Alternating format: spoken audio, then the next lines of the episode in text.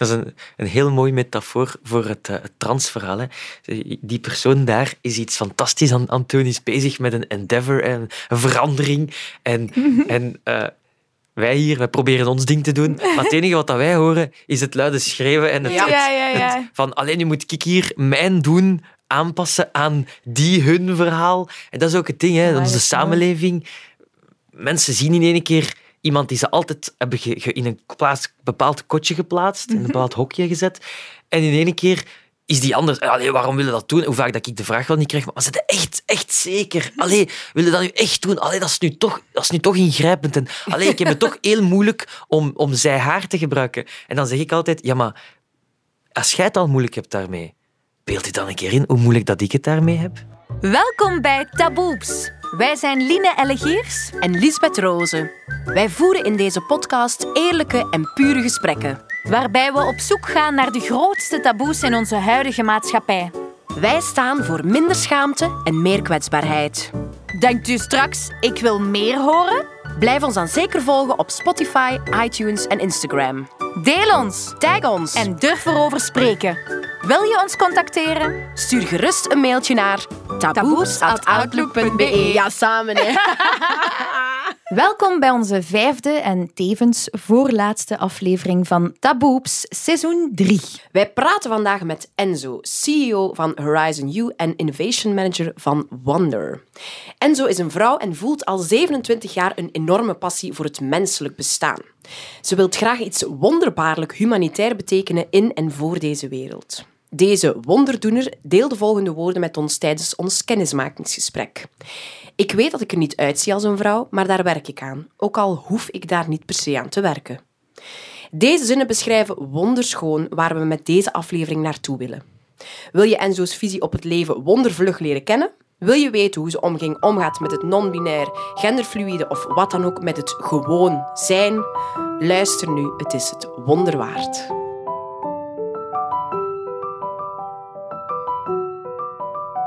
Welkom Enzo. Welkom Enzo. Dank u. Bedankt ook voor die mooie introductie. Dat is heel graag gedaan. Enzo, wij hebben jou leren kennen via de CEO van Wonder, Tiebe. En eh, toen ik jou voor het eerst aan de li- lijn kreeg, was ik eigenlijk overdonderd van hoe dat jij in het leven stond. Eh, jij straalt. Alleen voor mij kom jij over als iemand die echt straalt en, en gestrooid precies met bepaalde levensenergie in het rond, waardoor dat de mensen die rondom jou in contact met je komen echt gelukkig worden. Dat is echt waar. Heel veel energie. Ja, dus ons gesprek werd geen businessgesprek toen, maar een taboe doorbrekend gesprek, waarbij dat er duidelijk veel content aanwezig was om, eh, om een podcastaflevering rond te maken. Dus wij zijn enorm blij dat jij hier bent. Absoluut. Dank u wel. Dank u. Ik ben ook blij om hier te zijn. En amai, ik word hier zo opgehemeld. Dat geeft echt een goed gevoel. en mag business dan niet taboe doorbrekend zijn? Moeten dan negaties van elkaar zijn? Nee, zeker niet, zeker niet. Maar misschien had ik een een ander gesprek in mijn hoofd en toen kwam er toch heel veel Helemaal andere content. Ja. naar boven, waardoor Wat dat ook we, mooi is. ja, waar wij heel blij mee zijn, absoluut. Enzo, wie ben jij? Wil je jezelf voorstellen? Ja, eh, ik ben Enzo. Eh, ik ben 27 jaar. Ik ben een vrouw. Ehm, en ja, transvrouw. Hè. En zowel privé als professioneel ben ik echt een dromer. En ik ga daar ook mee aan de slag om die dromen waar te maken. En het liefst van al wil ik eigenlijk een voorbeeld zijn voor mensen die in de knoop liggen met zichzelf. Of gewoon mensen die zijn, die een keer laten nadenken over dat zijn. Dat is wat ik eigenlijk heel graag doe. En ja, zo, zo zie ik mezelf. Heel mooi. Jij bent innovation manager van Planet B, ehm, van Wonder. Wat wil dat zeggen? Ja. Ehm, Innovation manager. ja, dus, Betty, cool hè? Dat is een goed woord, hè? dat is vooral een duur woord. Eh, wat, wat- zit daarin? Ik denk, dat is een beetje het raakvlak tussen business, creativiteit, eh, methodo- methodologieën zoals bijvoorbeeld project management en ook echt gewoon mensen, psychologie. Hoe gaan die Ja. om met elkaar in zichzelf? En dat raakvlak, dat maakt eigenlijk dat je organisaties, mensen kan inspireren om een betere versie van zichzelf te worden, om doelen te zetten, strategiegewijs, en die dan ook te gaan behalen op zo creatief mogelijke manier. En bijvoorbeeld bij, bij, bij Wonder, bij Planet B, zit daarin vooral product development. Echt gaan kijken van welke opportuniteiten zijn er, welke trends zijn er in de cosmetica-markt. Tussen naakjes, Wonder is een... Uh, zeg maar een, een, een organisatie, een deeltje van Planet B. Ja. Eigenlijk, weet je, ik zal het zo stellen. Sluit uw ogen en zet u in uw badkamer. En ik ga dat doen, hè. Kijk, kijk rond. Zit je al in de badkamer? Ja, Zet, ja okay. Is iedereen in de badkamer? Ja. Oké. Okay. dan. Kijk rond. Oké. En je ziet allemaal zaken, hè, dingen, maar vooral ook productjes. Producten die u goed doen. Die dat je geselecteerd hebt omdat je die goed vindt. Mhm. En in wat zitten die verpakt? Plastic. Vaak wel, hè. En dat is juist het ding. Wij willen bij Wonder ervoor zorgen dat er fantastische producten zijn die doen wat dat ze moeten doen. En nog meer, maar dat dat niet in plastic moet zitten. Hmm. Allee, pak nu die shampoo dat je zo tof vindt. Voor 85% is dat water. En water, dat hebben we toch al. Dus wij, wij hebben een, een lijn ontwikkeld van producten die concentraten bijvoorbeeld zijn. Waar dat je dat, bijvoorbeeld onze shampoobar is een concentraat. Je, je, je voegt gewoon het water toe van de douche. Je hoeft dat niet te transporteren. Je hoeft dat dan ook niet in plastic te gaan verpakken. Dat kan gewoon in een kartonnetje zitten. En zo zijn we beginnen denken. Ah, ja, goed, oké. Dus in onze shampoofles, plastieke fles, zit er eigenlijk heel veel water Ja. inbegrepen. Terwijl eh, bij jullie is het idee, ja, het water komt vanuit de douche. Dus waarom zou je dan... Want twee weken geleden hadden we het over zeep. Hè? We zeiden Ja. iets over zeep. Maar de shampoo bars van Wonders, is, ze- dat, dat is niet zeep, hè? Nee, er zit geen zeep in. Ehm, ja. Het is op, het is op basis van een kokosnoodderivaat. Ehm, en meeste producten die zijn op basis van bepaalde sulfaten. Die zorgen er eigenlijk voor dat alles gereinigd wordt. Maar ook de, de olie en de vetten die van nature op je hoofdhuid en dergelijke aanwezig zijn, op je huid aanwezig zijn. Maar als die worden weggehaald, ja, dan, dan moet er in één keer extreem veel talg geproduceerd worden. Gaat je haar heel rap vettig worden. Terwijl de reinigers in Wonderbars, die zijn veel milder.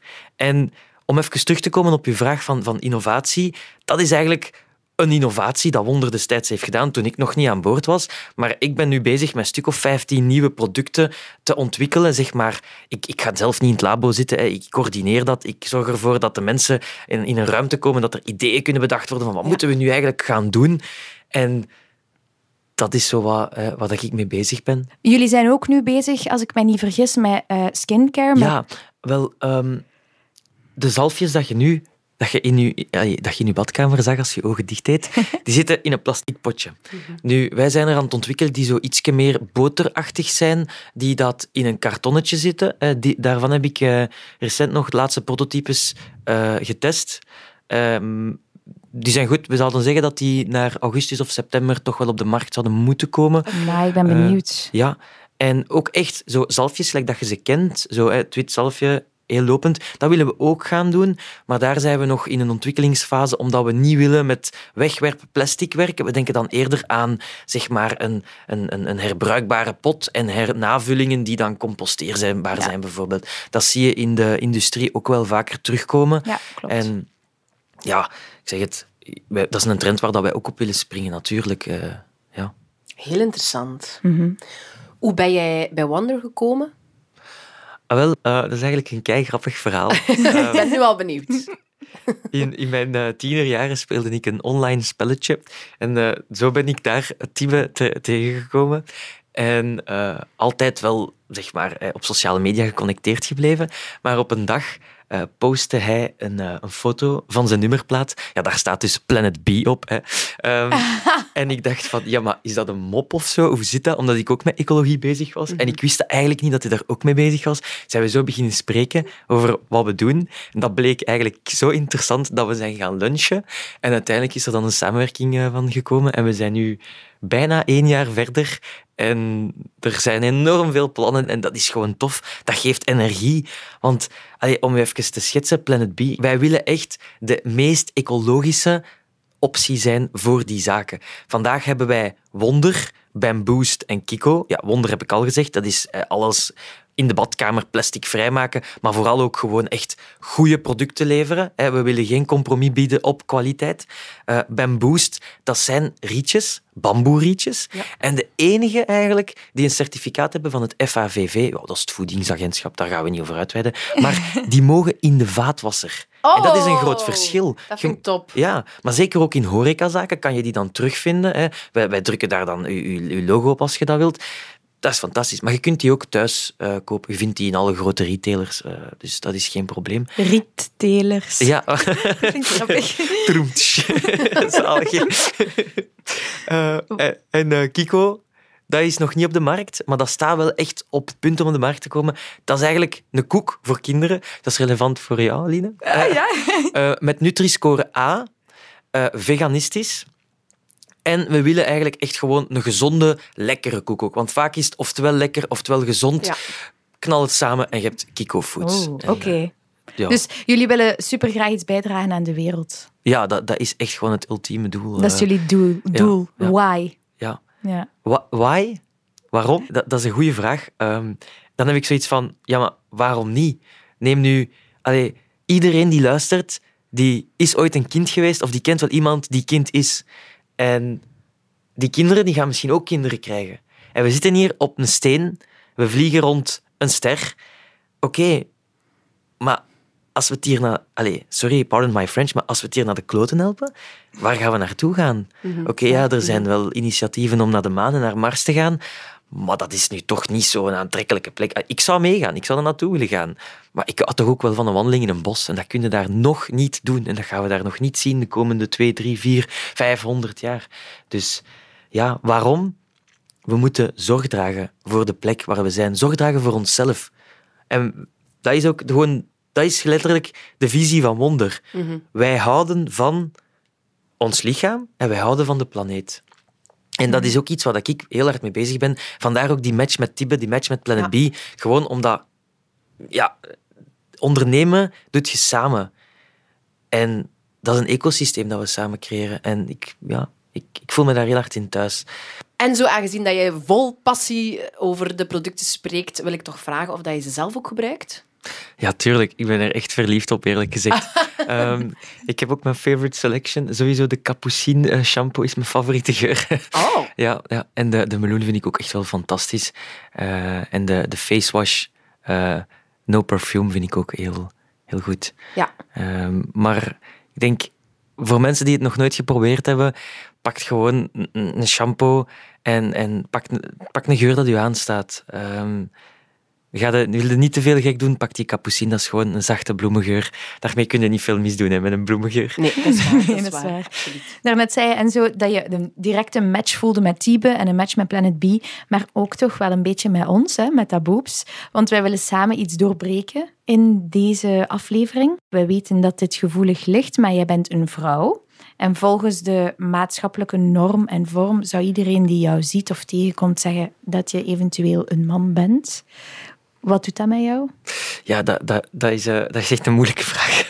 Ja, dat snap ik. Ehm, Dat mag, Ja. dat mag. dat, dat is eigenlijk zelfs ook zeg maar, een inleiding in een tweestrijd ook in mezelf. Ik zou zeggen, blame it on testosterone. Ehm, ja, dat zit ook een beetje zo wat tussen het verhaal tussen ehm, zeg maar, de representatie dat we hebben, om naar Plato's vormenwereld te gaan, en van in ons hoofd van wat dan een vrouw is, en de realiteit. De realiteit is gewoon van, ja, ik ben een vrouw, zo voel ik mij al echt denk ik, al, al, al zolang ik me kan herinneren, we komen daar straks nog wel op terug. Ehm, maar toch zien mensen mij zo niet zoals dat je zegt. En dat begint wel te komen. Zeker kinderen, die, die zien dat ook wel. Dat is ook iets wat ik naar, naar streef, om ook wel, zeg maar, niet als meneer aangesproken te worden. Dat zou echt al fantastisch zijn. Ehm, Mhm. Afhankelijk van hoe, hoe extravagant dat ik mij kleed en of make-up, eh, lukt dat wel om al niet meneer genoemd te worden. Mevrouw, dat wordt soms nog moeilijk. eh Fok de maatschappij en de normen. Echt waar. Ja, We moeten soms een keer openstaan om anders te denken dan waar dat we altijd over denken. Altijd, de, allee, altijd en nooit, dat zijn moeilijke dingen, maar veel dingen zijn sociale constructen. Ehm, en ik, ik, ik zou dat heel graag vandaag ook mee willen doorbreken. En ik ben heel blij dat wij die match ook hebben en dat wij samen aan de slag gaan om die dingen te doorbreken. Ik zie dat dat, dat, dat heel gevoelig is, ligt. Ehm, en dat, dat je daar misschien mee worstelt. Ik vind dat heel mooi dat je, dat je ook gewoon zegt van, oeh, dat is moeilijk. Dat Het is ook een moeilijke vraag. gigantisch moeilijke vraag. Ik sta daar nu ook bij stil van, ja, bon, zo'n alomvattende vraag. Allee, ik bedoel, Dat is ergens gestart. Hoe is Ja. dat gestart? Ja, ehm, als we kijken naar ontwikkelingspsychologie, ehm, geef het een paar jaar en een, eh, want dat is natuurlijk, er is no one size fits all, maakt een kind in de kleuterklas een beeld van de identiteit en zeker gender is daar een heel groot deel van. En hoe is dat gestart bij mij? Ehm, mijn moeder die, die deed altijd zo de, de nagels en dergelijke van de, van de tantes en de oma. En, eh, en, en ik mocht altijd de kleuren kiezen. En nadien wou ik natuurlijk ook mijn nagels gelakt hebben. En dat was allemaal oké tot naar zo'n derde kleuterklas toe. Dan was dat ineens van, ja, maar Enzo draagt nagellak. En ik, ik begreep dat niet, maar ik werd daarmee geplaagd hè, door de jonge kindjes. Hè. En dan is eigenlijk de eerste notie gekomen bij mij van er is een, een discrepantie tussen hoe ik mezelf zie en hoe anderen mezelf zien. Ja. En dat is ook een eerst, zonder dat ik dat toen met dat woord kon benoemen, is dat voor de eerste keer dat ik wist van kijk, er zijn genderrolpatronen. Hè, eh, we noemen het maar seksenrolpatronen, want gender is nog iets anders dan seksen. Dat, zo is dat echt zo begonnen bij mij. En vooral ook dat het echt begon pijn te doen, dat was zo zeven, acht, negen jaar. Begon dat echt met, met elke dag te wenen in mijn bedje, tot mijn zestien ongeveer, van allee, laat bij mij ook die puberteit beginnen. Maar die puberteit die begon wel, maar niet op de manier dat ik mijzelf zo zag. Ja. Alle mensen veranderen, maar ik veranderde niet in de manier waarop dat ik wou veranderen en waarop Ja. dat ik mij voelde dat ik moest veranderen. En dat was echt, echt, echt verschrikkelijk. Ehm, maar dan heb ik dat weggestoken en zo, ja, zo 16 en dan ouder zat dat weg, zat dat diep weg. Eigenlijk tot een van de lessen eh, in, in de Erasmus Hogeschool bij innovatiemanagement. En daar deden we heel veel zo, zeg maar, meditatieoefeningen, geïnspireerd op mindfulness, maar wel met een, een, sausje van wetenschap erover. En dan voelde ik zo toch dat er onderdrukte gevoelens waren bij mij die terug naar boven kwamen. En dan ook in de covid-periode heeft iedereen zich heel hard geconfronteerd met zichzelf. Ik hoop toch dat je dat gedaan hebt, want er was tijd en ruimte voor. En na een tijdje had ik echt zoiets van, amai, nee, ik moet, ik moet daar werk van maken. Ik wil niet een midlife crisis hebben en het dan, eh, dan mezelf worden. Nee, ik ben nu in staat om mezelf te worden en ik ga dat gewoon doen. En ik heb mij toen ingeschreven bij, in het UZ Gent, eh, bij het eh, gender- en eh, seksualiteitteam. Eh, een hele lange wachtrij rij later ben ik daar nu ook in behandeling, eindelijk. Amai, maar je maakt een, een, een hele grote sprong in het verhaal. Je spreekt van zes, zeven, acht jaar. Ik wil even vragen, hoe ging uw mama daar dan mee om? Want ik kan me inbeelden dat je als kind naar huis gaat met vragen waarom dit en waarom, en waarom mag ik niet? En hoe, hoe, hoe gingen uw ouders daarmee om? Ah, wel, ehm, dit is voor mij persoonlijk, hè, dat kan voor iedereen anders zijn, maar bij mij is ook ooit eh, ADHD vastgesteld. Dat is deel van autisme-spectrumsyndroom. Ehm, ik weet niet of ik dat echt heb, of dat dat eerder de onbegrip, onbegrip en, de, en al is, hè, en het stigmatiseren van in dat hokje te zitten. Daar ga ik niet over uitweiden, maar ik heb dat wel ooit bespreek, besproken bij bijvoorbeeld mijn behandelende psychiater dan. En die reageerde dan gewoon met meer medicatie, meer therapie, om dan dat, dat, dat divergerende eruit te halen. En dat had ik al heel vroeg door van als ik over mijn problemen spreek, bij die persoon of bij andere zorginstellingen, Ja. had ik de angst om meer medicatie te moeten nemen, meer eh, uit de les te moeten gaan, om specifieke eh, behandelingen te doen, om zogezegd rustiger te zijn. Maar ja, daardoor werkte ik niet rustiger. Ah, Eh, nee, want je wordt aanschouwd als anders, dus dat moet behandeld worden. Ja, inderdaad. Ehm, dus ja, eh, mijn mama die heeft wel al onlangs nog gezegd dat ze altijd al wist ergens van mij. Maar ja, mijn vader was daar heel lang niet voor te vinden, dus dat werd dan... Het was oké als er dan meer, meer medicatie kwam en dan werd er niet over gesproken. Ja, natuurlijk, als je een kind op zware medicatie zet, dat een werking heeft op het brein, ja, sorry, voor mij persoonlijk, ik was de hele tijd mellow. Ik was letterlijk gewoon stoned in de klas. En dat is dan goed. Dat, is, dat werd zelfs terugbetaald door de, door de samenleving. Ik vind dat eigenlijk heel... Allee, ja, Absurd. Ja, als je daar nu over nadenkt, Ja. dan, dan is dat wel eng. ik, ik, ik wil daarmee niet zeggen dat er niet mensen zijn dat die medicamenten nodig hebben. Maar ik ben daar op eigen houtje mee gestopt. Ja. En wanneer ben je dan gestopt? Rond mijn 16. Ja. En dat is ook de omschakeling om het, om het te aanvaarden dat je je anders voelde. Niet echt. Eh, dan heb ik mij in ander destructief gedrag gestort. Om, ja, zelfdestructie, dat is dan vaak... Vaak wordt dat ge- gelinkt aan het ik ben niet oké verhaal. Ik heb daar heel lang eh, nog mee geworsteld nadien om dan toe te geven van eigenlijk ben ik zelfdestructief aan het ageren en ik ben wel oké. En dat is pas jaren later jammer genoeg gekomen. Ehm, ik heb heel, heel hard eerst geprobeerd om in het hokje te passen waarin ik door de maatschappij werd gedwongen, Ja. zeg maar. En ik gebruik de term gedwongen, want we doen... Eh, dus een, een, een vriendin van mij had, had onlangs eh, een gender reveal eh, party. Zij is meter geworden van een kind. Ik zeg specifiek kind, want ah ja, hoe kun je nu bij een pasgeborene zeggen van dat is het gender? En eigenlijk is die term ook gewoon compleet verkeerd. Hè? Het gaat niet om het gender, het gaat om de seksen die we bekendmaken. En dan is het eigenlijk ook nog niet juist, want als die persoon geboren zou zijn als een intersekse, dan zouden ze er waarschijnlijk in alle toonaarden over zwijgen.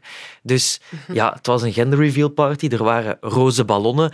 De persoon die eigenlijk de gender reveal party heeft uitgevonden, is daar zelf wat van teruggekomen, omdat eh, die, haar dochter is ook transvrouw. En die hadden destijds een gender reveal party met allemaal blauwe ballonnen gedaan en dergelijke. En nu is die heel hard advocate anti-gender reveal parties. Dat hij zoiets heeft van, organiseer de gender reveal party op het moment dat het kind klaar is om het eigen gender, zeg maar, om uit de kast te komen als... Om dat zelf te bepalen, zelf aan te voelen. Wow, dat vind ik wel crazy. Ja, dat wist crazy. ik Want niet. eerlijk gezegd, wij hebben het ook gedaan. Ook omdat wij het geslacht niet wisten, dan hebben ze iemand anders, heeft voor ons dan dat, dat georganiseerd. En dat is allemaal heel leuk. Wij vinden dat heel leuk.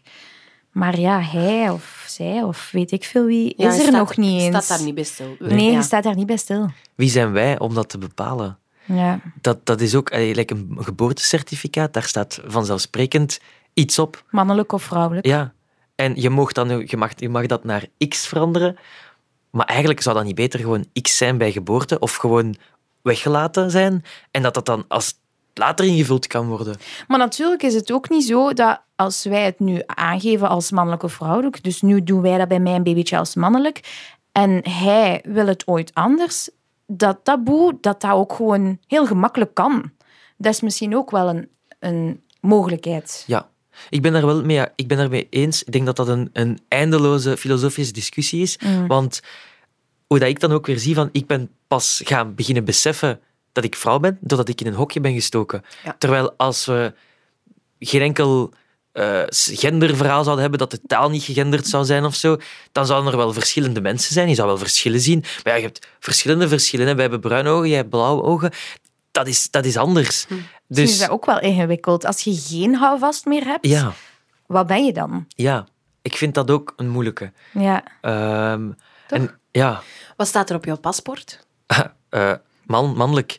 Ik heb, een, ik heb een besloten vennootschap. Wil ik dat laten aanpassen, dan moet ik de kost van de, van de eh, eh, notaris en dergelijke inrekenen. Terwijl men, men, men zegt van ja, dat is gratis om dat aan te passen. Ja, voor, voor mensen in loondienst, maar voor zelfstandigen is dat niet vanzelfsprekend. En als start-up zijnde kan mijn organisatietje die kost niet aan. Ehm, Dus, dat stoort jou. Dat stoort mij niet. Eh, dat stoort mij niet. Ik ben onlangs gaan navragen via, met mijn seksuoloog, omdat ik binnenkort het vliegtuig ga nemen, van ja, maar wacht, als ik bij de douane gefouilleerd moet worden, eh, is dat dan een man of een vrouw dat dat gaat doen? En blijkbaar in de praktijk kijkt men niet naar de MV of de X op het paspoort, maar kijkt men naar de, het voorkomen. Oké. Maar ja, langs de andere kant, allee, En wat zou je dan het liefste hebben? ja, ik zou het liefst niet hebben dat een man. Ik zou dan mij comfortabel voelen bij, bij een vrouw. Een vrouw. Maar dan is de vraag van, gaat die vrouw wel comfortabel zijn om mij te gaan eh fouilleren? Dus dat is dan ook weer een heel moeilijk verhaal. Maar ik denk dat je het wel kan vragen. Aangeven. Ik denk op het moment zelf, ik hoop het Ik, voor jou. ik zou het toch wel aangeven als dat zo het geval is. Ja, zeker. Ja, Eh, en dan kan zij of ook aangeven van ja, maar ik vind dat ook raar. Dat is eigenlijk wel, het is interessant. Ja, het is Ja. interessant, maar ik vind, wel, ja, ik vind echt wel dat je daar recht hebt. ja, dat is ook een, dat is ook een taboe. Hè. Ja, Eigenlijk wel. En, en Je voelt jou altijd vrouwelijk. Dat is een mooie vraag. Ehm, voel jij je altijd vrouwelijk? Ja. Is dat iets waar dat mensen op elke moment van de dag mee bezig zijn? Van ik ben vrouw, ik ben man, ik ben non-binair. Soms zijn we toch ook gewoon aan het zijn. Soms slaap je toch gewoon en beleef je dingen. En ik denk, ja, ik voel, als ik ermee bezig ben, dan voel ik mij vrouw. En ik weet ook dat ik mij niet man voel. Ehm, maar dat is niet iets wat we elke seconde van de dag doen. Ik merk wel, en dat is doorheen de jaren geleden, en voor ik zeg maar uit de kast kwam als vrouw, heeft dat heel veel emotie bij mij opgebracht. Ehm, als iemand tegen mij zei, Hey, dag meneer. En dat lijkt iets heel, heel som, want uiteindelijk, als iemand dag meneer zegt, dat, dat is een beleefdheidsvorm. Hè. Dat is mooi. Please, zeg meneer, mevrouw, of, of vind iets anders dat even beleefd is, maar dat dan uh, genderneutraal is. Maar als men dat zei, was er een mechanisme in mijn brein die moest kopen met, met de, de nare gevoelens dat daardoor teweeg gebracht Ja. worden. Mhm. En tegelijkertijd moest ik mij heel hard focussen op wat werd er nu eigenlijk gezegd zodat ik niet uit de mand viel als dat ik daar moeite mee had. En dat is meer en meer echt beginnen spelen, waardoor ik echt gewoon heb gezegd van... Amai, wat is dit? Ik kan dit niet meer wegsteken. Ik moet dit echt behandelen. Ik moet zeg maar gewoon stappen ondernemen om te kunnen functioneren in die samenleving. En voor mij is dat dan ook gewoon om die, die genderexpressie. Ja, ik voel mij heel goed in het, de jurk die ik nu aan heb. Ik vind het fantastisch. Ehm, ja, ik vind dat heel leuk. En, en dat is ook gewoon omdat dat langs een kant toont naar de buitenkant, naar de mensen, wie dat ik ben. En dat brengt ons terug naar de kleuterklas, eh, mij terug naar de kleuterklas, waar dat die discrepantie is ontstaan. En op dit moment gaan mensen... Ja, ik word aangekeken op straat. Soms goed, eh, soms slecht. Maar mensen zien mij als de persoon die ik ben. Ja. Hoe zouden we dan volgens u gemakkelijker, zonder dat we iemand daar dus pijn mee moeten doen, aanspreken? Gewoon de naam, want niet, je weet niet altijd een naam. Ja, ik weet het niet. Ik denk dat dit een debat is dat we moeten voeren. Ik Ja. denk dat dat iets is waar we meer mensen bij moeten betrekken. Want ik kan me inbeelden... ehm, ik, ik word heel graag mevrouw genoemd. Eh, Of zou de eerste vraag moeten zijn, ehm, hoe, hoe heet ik jou of hoe mag ik jou noemen? Mevrouw en Enzo. En dan, Ja, maar dat is, dat is soms niet echt handig. Hè? Als je bijvoorbeeld, zeg nu maar, eh, bij een festival, je komt binnen, je laat je ticket zien, dank u meneer, dank u mevrouw, is erop gezegd. ja, en je hebt niet de tijd om te zeggen, goeiedag, met welke voornaamwoorden mag ik u aanspreken, alstublieft? Vandaar dat ik wel heel hard fan ben van de genderneutrale die, hun, vooraleer dat je die vraag hebt kunnen stellen in een meer kwalitatief gesprek, zeg maar. Maar ja, dan zijn er denk ik ook weer mensen die dat, dat heel raar voelen. Die zeggen van, ja, maar ik ben een vrouw, ik ben een man. Of dat dat nu cis of trans is. En ja, ik denk dat we dit debat moeten voeren. Maar dat is niet iets waar je boos van wordt, want ik merk wel dat er, dat er mensen zijn die dan heel rap eh, u gaan verbeteren. Ik, ik, ik merk dat daar, dat daar heel veel ehm, frustraties rond hangen, waardoor dat ik denk dat andere mensen bang gaan zijn om, ja, wat moet ik nu zeggen? Hoe Ik- moet ik die nu aanspreken? Ik, ik ervaar het niet echt als boosheid, eerder als, zo zeg maar, jammer. Het, het maakt me soms onzeker. Ehm, Snap ik. Mm, maar de- ja, er is no one size fits all. Opnieuw, ik denk, ik, ik, bijvoorbeeld bij mijn ouders en, en mijn, echt mijn naasten, die verbeter ik. En dan, dan zeg ik ook wel echt van, allee zeg. Of dat, ik, heb ook al een tijdje, ik heb ook al een tijdje silent treatment gedaan als, ze mij, als hij aanspreken, dat ik gewoon zweeg. Niks zei. Ah, het was tegen mij. Ehm, maar ja, ik zeg, het is heel moeilijk. Ehm, we moeten daar wel voor openstaan. Hè, maar we moeten ook, ik denk dan ook vooral naar, naar mensen in een transverhaal, wij moeten ook beseffen dat de taal enorm gegenderd is en dat we niet anders doen dan dingen, mensen in hokjes steken. Dat is ook hoe dat ons brein werkt. Hè. Eh, Hoe dat eh, neuropathways werken, dat zijn gewoon hokjes die met elkaar verbonden zijn. Dus dat is heel moeilijk als samenleving om dat te veranderen. Maar we zijn stappen aan het zetten. Kijk Ja. naar ons hier vandaag. Ja. Kijk naar u, luisteraar. U bent u ook stappen aan het zetten. absoluut. De genderkoek en zo. Wat is dat? Ja, wel. Of is dat de Kiko-koek? Nee, nee. Sorry, geen, geen goed mopje. Wat mooie product placement wel. Eh. nee, ehm, de genderkoek. ah, wel, opnieuw, zie een persoon voor, voor u. Hè, Een, een persoontje, gelijk dat, dat je dat het makkelijkste tekent met een cirkeltje.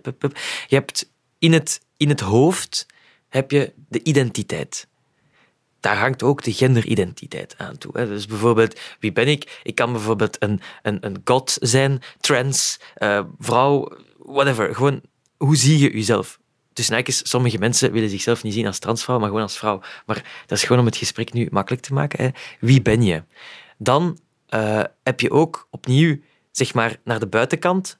Hoe laat je je zien, je identiteit? Bijvoorbeeld, ik wist wel op mijn 18 jaar dat ik een vrouw was, maar ja, uh, ik, zou geen nagellak gedragen hebben of, of ik zou niet uh, een kleedje aangedaan hebben. Oh nee, zeker niet, want mensen zouden maar eens kunnen weten. Hè? Dus hoe dat je je toont, dat is ook een deel. Dat kan ook anders zijn. Dat is dan je genderexpressie. Dan heb je ook je, zeg maar, je DNA, echt je genotype. Um, dat is XY of XX of andere variaties. Denk maar aan intersex. Er zijn heel veel variaties, man, vrouw. Het is niet enkel binair. Um, bij mij zal dat altijd XY zijn. Ik kan mijn DNA niet veranderen. En dat hoeft ook niet. Maar mijn, mijn uh, uh, fenotype, dat is hoe dat je eruit ziet, ja, dat is door testosteron is dat mannelijk, maar ik neem stappen omdat er vrouw, te vervrouwelijken heet ik dat. Mhm. En um, dat is zo, ja, denk, mis ik iets in de genderkoek? Misschien is het makkelijk als je hem gewoon opzoekt, ja. maar dat zijn alle verschillende dimensies. Ah, nee, ik, je hebt dan nog romantische aantrekking. dat is op wie dat je verliefd kunt worden. Ja. En dan heb je ook nog uh, je seksuele aantrekking. Dat is met wie, met welk gender dat je kan seksuele betrekkingen hebben en er van genieten, losstaand van het feit of je al dan niet kan verliefd worden op die persoon. En bij mij is dat panseksueel. Mm -hmm. Dus als we dan kijken naar die koek, hè, mensen kunnen op verschillende manieren uh, anders zijn. Ja. Wat is dan panseksueel? Panseksueel is dat het maakt niet uit wie er voor u staat. Dat kan man, vrouw, ja. trans, non-binair, agender. Eh, je zoekt maar eens op hoeveel verschillende soorten gender er zijn. Maar het maakt niet uit. De persoon, als die persoon u een goed gevoel geeft, dat, dat, dat is het belangrijkste. Ja. Uh, dus de genderkoek is eigenlijk een hulpmiddel voor mensen die misschien aan het zoeken zijn ook. Of voor iedereen gewoon. Is dat geen, ook geen allesomvattende term? Goh, allesomvattend is moeilijk om te zeggen. Het is een manier, denk ik, om, om u te plaatsen. En ik denk vooral ook Ja. om naar uw buurt iets duidelijk te maken. Mhm. Want neem nu als voorbeeld, ik ben een vrouw. Mijn partner is ook een vrouw. Mhm. Eigenlijk is dat dan een, eh, zeg maar een, een, een homo-betrekking, een lesbisch, lesbische betrekking, als je daar in een hokje wil plaatsen. Terwijl sommige mensen zouden dan, die dat mij dan niet erkennen als, als vrouw, als transvrouw zijn, dan zeggen, ja, maar dat is een hetero-relatie. Maar dat is niet zo. Wow. Zie, dat gaat heel diep. En, Ja. en, en die genderkoek helpt ons om te kijken van, oké, ja, als je dan toch met hokjes wilt werken, welke hokjes zijn er en dergelijke? Nee, dan goede hokjes. Maar uiteindelijk zijn we toch allemaal mensen. Zijn we niet allemaal sterrenstof? Allee, kom aan. Ja, Wat maakt het? Peace, love and happiness. We zijn allemaal sterrenstof. Dat is eigenlijk ook schoon, hè? Wil jij je leven leiden volgens je eigen regels? Good to know. Iemand was ons voor. Haar naam is Morgan van Good Woman. Zij zocht en testte en nu komt het beste. Zij helpt elke dag honderden vrouwen om zich good te voelen. Kennis, support en supplementen voor een gezonde menstruatiecyclus. En dus ook een beter leven. Surf snel naar goodwoman.com. Gebruik de code TABOEPS10 en ontvang 10% korting op je eerste bestelling. Want elke vrouw verdient het om zich goed te voelen. En zo, jij bent in behandeling bij het UZ Gent. Yes. Wat hoop je daaruit te halen? Wel, ehm, ik zie dat eigenlijk meta metaforisch als een trein. Ik ben op een trein gestapt. Die trein is al heel lang geleden vertrokken, maar die gaat nu heel snel in één keer. En ik weet niet waar ik ga uitstappen, op welke halte. Dus ik weet niet wat het ultieme doel, het ultieme einddoel, eindbestemming zal zijn. Maar wat ik daar eigenlijk uit hoop, hoop uit te halen en wat dat er ook gewoon uitkomt doordat ik onderweg ben, dat is geluk. Ik ben gelukkig doordat ik mezelf ben, mezelf kan tonen. En ja, bij het genderteam, ik noem het het genderteam, omdat ja, maar dat is een beetje kort door de bocht en ze doen zoveel meer. Maar ja, daar zijn heel veel verschillende mensen met, met kunde en je kunt daar zelfs gaan voor stijladvies als het moet. Eh, dat is echt heel, heel breed. En wat voor mij... Kijk, ik weet niet... Zoals ik al zei, weet ik niet wat die eindhalde is. Uh, maar ik weet bijvoorbeeld, de volgende stap voor mij is een hormoonbehandeling. Ik, ik wil dat echt. Niet alleen voor de uiterlijke veranderingen die er dan gaan optreden, maar ook de interne veranderingen. Het brein werkt anders onder oestrogeen of testosteron. Ja. En het is zelfs op het punt gekomen dat ik me soms oncomfortabel voel door die verschillen te merken bij mezelf. En dat past niet bij mij. Dat is niet hoe ik mezelf zie. Dus Ja. mezelf zijn, worden, onderweg zijn. En zoeken wat dat, dat dan is. Want een hormoonbehandeling is daar één van. Wat doet dat dan? Uw stem ook? Je stem zal veranderen, Zal veranderen? denk ik. De stem verandert eh, niet bij ehm, mens- mensen met een XY-chromosoom die eh, vrouw zijn. De stem verandert enkel bij eh, mensen met XX-chromosoom die ook die een testosteronbehandeling starten. Dus de enige manier dat ik mijn stem kan aanpassen is door stemcoaching. Oké. Dat is eigenlijk, onze stem is een instrument voor mensen die zingen onder ons. Je kan dat kunnen beamen. En je kan elk instrument stemmen of spelen in een toonaard dat je wil. En ik moet leren om mijn, ja. mijn stem Ja. anders te bespelen. Neem niet weg dat als iemand kwaad is, dat je naar je basis gaat. En dan ga ik altijd met de zware stem spreken die ik heb. Maar dat is mooi, right? Ja. Iedereen is mooi. Dus, Dus, en die, stem, die stemcoaching doe je ook.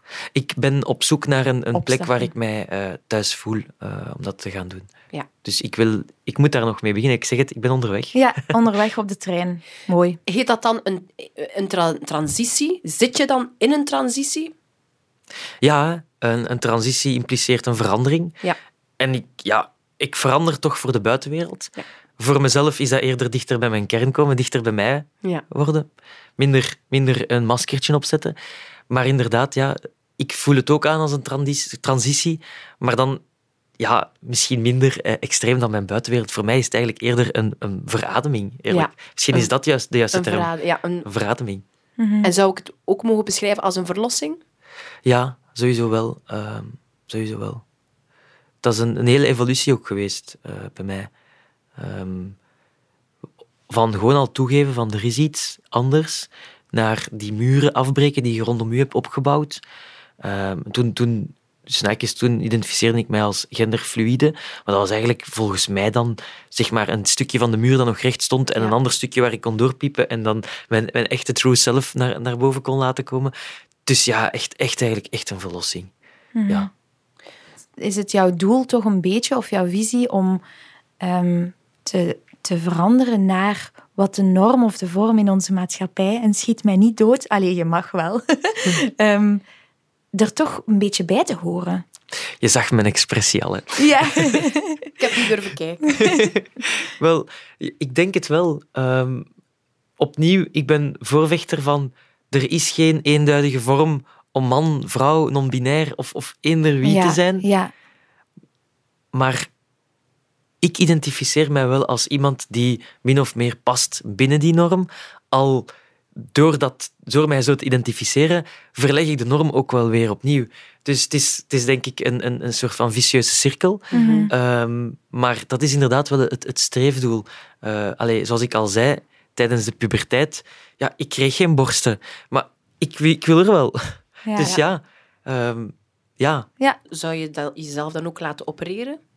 Goh, dat is een moeilijke, hè. Dat is een Eh, hele zware. dat is een moeilijke- Ik dacht, ik stel gewoon de vraag. Maar dat is niet, het is geen moeilijke omdat het een taboe is om erover te spreken. Het is een moeilijke omdat er geen eenduidig antwoord is. Mhm. Ik denk, op dit moment heb ik geen nood aan een operatie omdat ik stappen aan het zetten ben die goed voelen. Ja. Maar dat wil niet zeggen dat over vijf of tien jaar dat de trein heel traag ergens gestopt is, zeg maar. Dat ik toch wel iets heb van, oh, ik zou willen verder gaan. Ja. Dus ik weet dat niet. Bijvoorbeeld gisteren nog sprak ik met een vriendin en eh, zij heeft van nature geen grote borsten. Zij heeft zeer kleine borsten. Dat is een complex bij haar. Is zij daarom geen vrouw? Ik denk dat zij heel hard een vrouw is. En zij verdoezelt, verdoezelt dat dan, of, of juist accentueert dat dan met een dubbel push-up. Ja. Wel, ja, ik heb dat ook al gedragen, maar dat vind ik dan zo, zo fake. Al is dat soms wel tof om dat eh, in de spiegel bij mezelf te zien. voelen, maar ja. ik denk, voor mij is natuurlijk ook heel belangrijk. Ja. Anders zou ik niet passen binnen dat Planet B wonderverhaal. En dat is ook Mhm, langs een kant mezelf. dan zouden andere hè, mensen die, die, die, die eh, zeg maar denialist van, van trans eh, mensen, kijk eens naar Amerika soms. Hè. Ik wil niet te stigmatiserend zijn over alle Amerikanen, maar sommigen zijn daar wel goed bezig. Zouden zeggen, ja, maar ja, het is natuurlijk om dan juist geen hormoontherapie op te starten. Maar dat zie ik anders. Ik denk, hormonen zijn sowieso iets natuurlijks dat je lichaam al dan niet aanmaakt. En ja, ik zeg het, eh I'm do me. By the way, als je het over natuur wilt hebben, er zijn, er zijn, ik heb al eens gezegd dat er genetische variaties zijn. Hè. En een hele interessante vind ik, eh, taboe doorbrekend, er zijn mensen die geboren zijn met een XY-chromosoom, maar die ja, ongevoelig zijn voor testosteron, waardoor die zich ontwikkelen als vrouw en dat die ook vrouwelijk, alles vrouwelijk hebben, Ja. van genitaliën naar, naar secundaire geslachtskenmerken. Maar als je daar een DNA-test van zou doen, of als je die zou opgraven over duizend jaar, zeg maar, dan, en daar botonderzoek op gaat doen, zou je zeggen, ah, het is een man. Terwijl dat absoluut... Dat die zich zelfs al dan niet... Allee, dat, is hun, dat is opnieuw hun, Is hun dat dan die genotype. inter intersexe? Nee, dat is nog iets anders. Ah, dat is nog iets anders. Intersexe, dat is, ehm, dat is een variatie tussen man en vrouw. En dat is eigenlijk een schaal. Daar heeft ooit eens een wetenschapper, schiet mij af, ik weet de naam niet, maar een schaal gemaakt. Dat is een visuele schaal. En dat zijn denk ik twaalf ehm, zeg maar afbeeldingen. En aan het ene uiterste van het spectrum zie je een duidelijke penis met testikels. Mhm. En aan de andere kant zie je een vulva. En daartussen. En dat is wat je kan zien in eh, het GUM, in het Ja. eh, Gens Ja, ja, ja. Universitair Museum. Oh, cool. daar ga ik eens die naartoe gaan. Oh, daar ga ik eens naartoe gaan. Absoluut, Ja, dat is heel inter- interessant. Heel interessant. Ja, We hebben nog tijd. Het is nog tot januari 23. ja klopt. En eh, zou jij dan bijvoorbeeld ook van naam willen veranderen? Dat vind ik een hele mooie vraag. Ehm, ik krijg die vraag heel vaak. En mijn antwoord is daar gewoon op nee. En eigenlijk zou ik ook niet hoeven van naam te veranderen, want ik heb vier voornamen en één daarvan is Anne. Ik zou die kunnen gebruiken. En wat zijn al jouw namen? Enzo, Bart, Anne, Wim. Oké, Ehm, maar jij kunt gewoon kiezen. ik kan kiezen. Maar mijn naam is Enzo. Ik vind dat een fantastische naam. En ik was aan het denken van, ja, maar hoe cool zou dat zijn? Stel je voor dat ik de eerste vrouw ben met de naam Enzo. Absoluut. Toch, toch leuk? Ja, vind ik ook. Vind ik ook. Je hebt me zo hard doen nadenken over... Op, in het kennismakingsgesprek hadden we het erover. Hè? Ik ben zwanger. Ik wist het geslacht nog niet. En ik zei tegen Enzo van ja, ik zou het heel cool vinden, vinden moest het een meisje zijn en ik geef het een, een jongensnaam. En toen zei zij tegen mij, ja, maar zou je het ook omgekeerd doen? Zou je een jongen een meisjesnaam geven? Dat heb jij toen tegen mij gezegd. Ja. En ik ben daar echt over beginnen nadenken. Van ja, het is precies zo gemakkelijk om, een, om bijvoorbeeld een meisje een jongensnaam te geven, omdat wij dat dan moedig en stoer Of en... een neutrale naam. Ja, maar wat is een neutrale naam? Sam. Ja, dat vinden we nu neutraal. Ja. Maar Dus dat is natuurlijk volgens- iets, iets van nu, ja. Vroeger was dat ook, toch een Ja, naam die sneller voor een jongen gebruikt werd, niet? Ik weet het niet.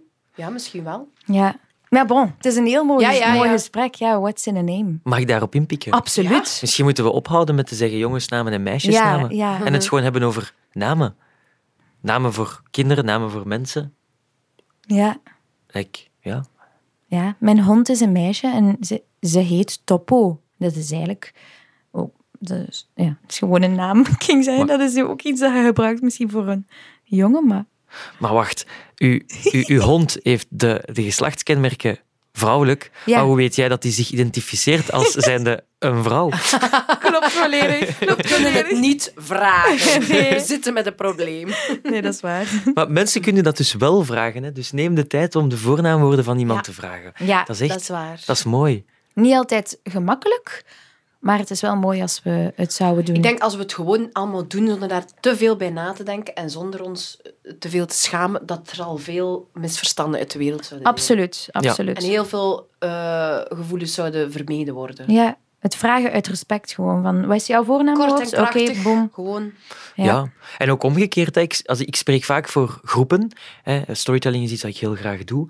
En dan zeg ik gewoon van, hallo, ik ben Enzo. Mijn voornaamwoorden zijn zij, haar. En als er een probleem is of zo, hè, spreek me aan. En we kunnen up, up. En dan ga ik verder. En dat is hoe dat ik mij, mij voorstel. Ik denk dat dat ook, zeg maar, een soort van... Allee, als je je voorstelt, als dat belangrijk is voor je, zeg dat dan. Is dat niet belangrijk? Ja, oké. Maar als je het niet zegt, en als niemand het vraagt, ja, kunnen we er dan een probleem over maken? Mhm. Volg bijvoorbeeld eh, Dylan Mulvaney, Ja. ook eh, een vrouw die kiest om de naam Dylan te behouden. Ook een heel mooie inspiratie voor mij. Ik moet die maar een keer checken, dat is echt wel tof. Maar eh, ja, die toont ook gewoon hoe ze is en hoe ze wordt. Elke dag maakt hij een video. Ehm, ik gebruik dus naakjes die ook omdat eh, haar voornaamwoorden zijn zij, hun. Dus je mag zij en die gebruiken. Ik doe het specifiek om jullie luisteraars te triggeren. maar, maar voor mijzelf heb ik zoiets van... Ik moet mij tonen in het straatbeeld. Ja. Want oh, een heel tof voorbeeld daarvan. Ik was onlangs aan het stappen in het, eh, in het ruimdenkende Gent, nota bene. En er was een, een mama met een kindje. Ah ja, ik weet niet of dat die persoon zich identificeert als vrouw of dat ik die dan mama mag noemen, maar een persoon met een, een jongere persoon. en die, dat kindje keek gewoon naar mij. En die persoon die keek kwaad naar mij. Kwaad. En ik heb gewoon vriendelijk gelachen en gezwaaid naar het kindje en doorgestapt en gedacht van, ik weet waarom die persoon kwaad is.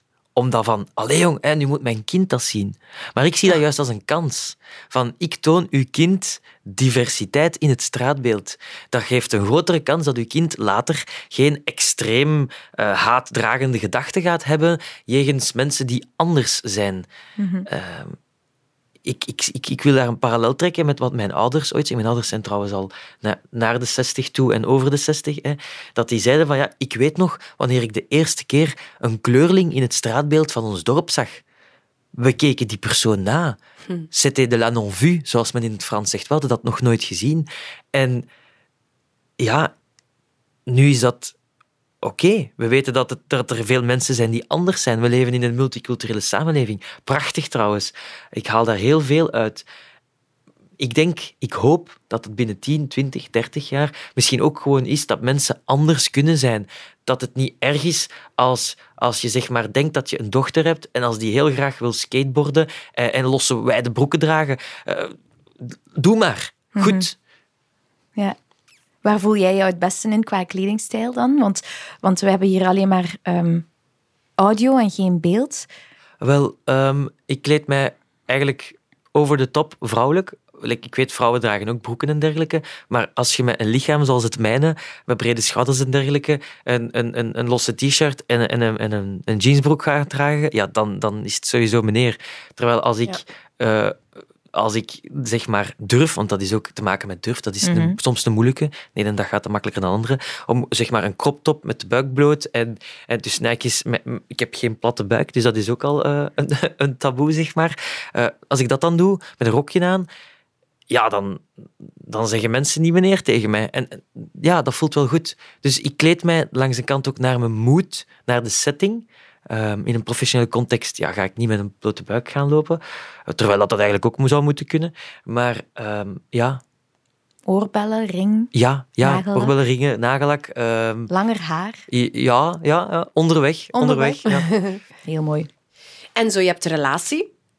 Eh, met welke voornaamwoorden mogen we jouw partner omschrijven? Zij, haar. Zij, haar. En hoe lang zijn jullie samen? Eh, iets meer dan een jaar. Zij is een heel belangrijk persoon voor jou. Ja, ja zeker. Eh, dat is echt grappig. eh, dat op sommige momenten heb ik zoiets van, oh, ja, staat die jurk mij wel goed en oh, mijn schouders zijn daar zo breed in. Dan is zij echt zo degene die zegt van, man nee, je ziet er kei mooi uit. Ah, echt mijn wifi. En, en zij is ook echt degene die altijd zij gebruikt als ze over mij spreekt. En dat is echt heel mooi. Ze verbetert ook haar ouders en mensen rondom. Dus ik vind dat, ja, dat, dat sterkt mij wel. Super. Dus zij heeft het niet moeilijk met het feit dat je in transitie bent.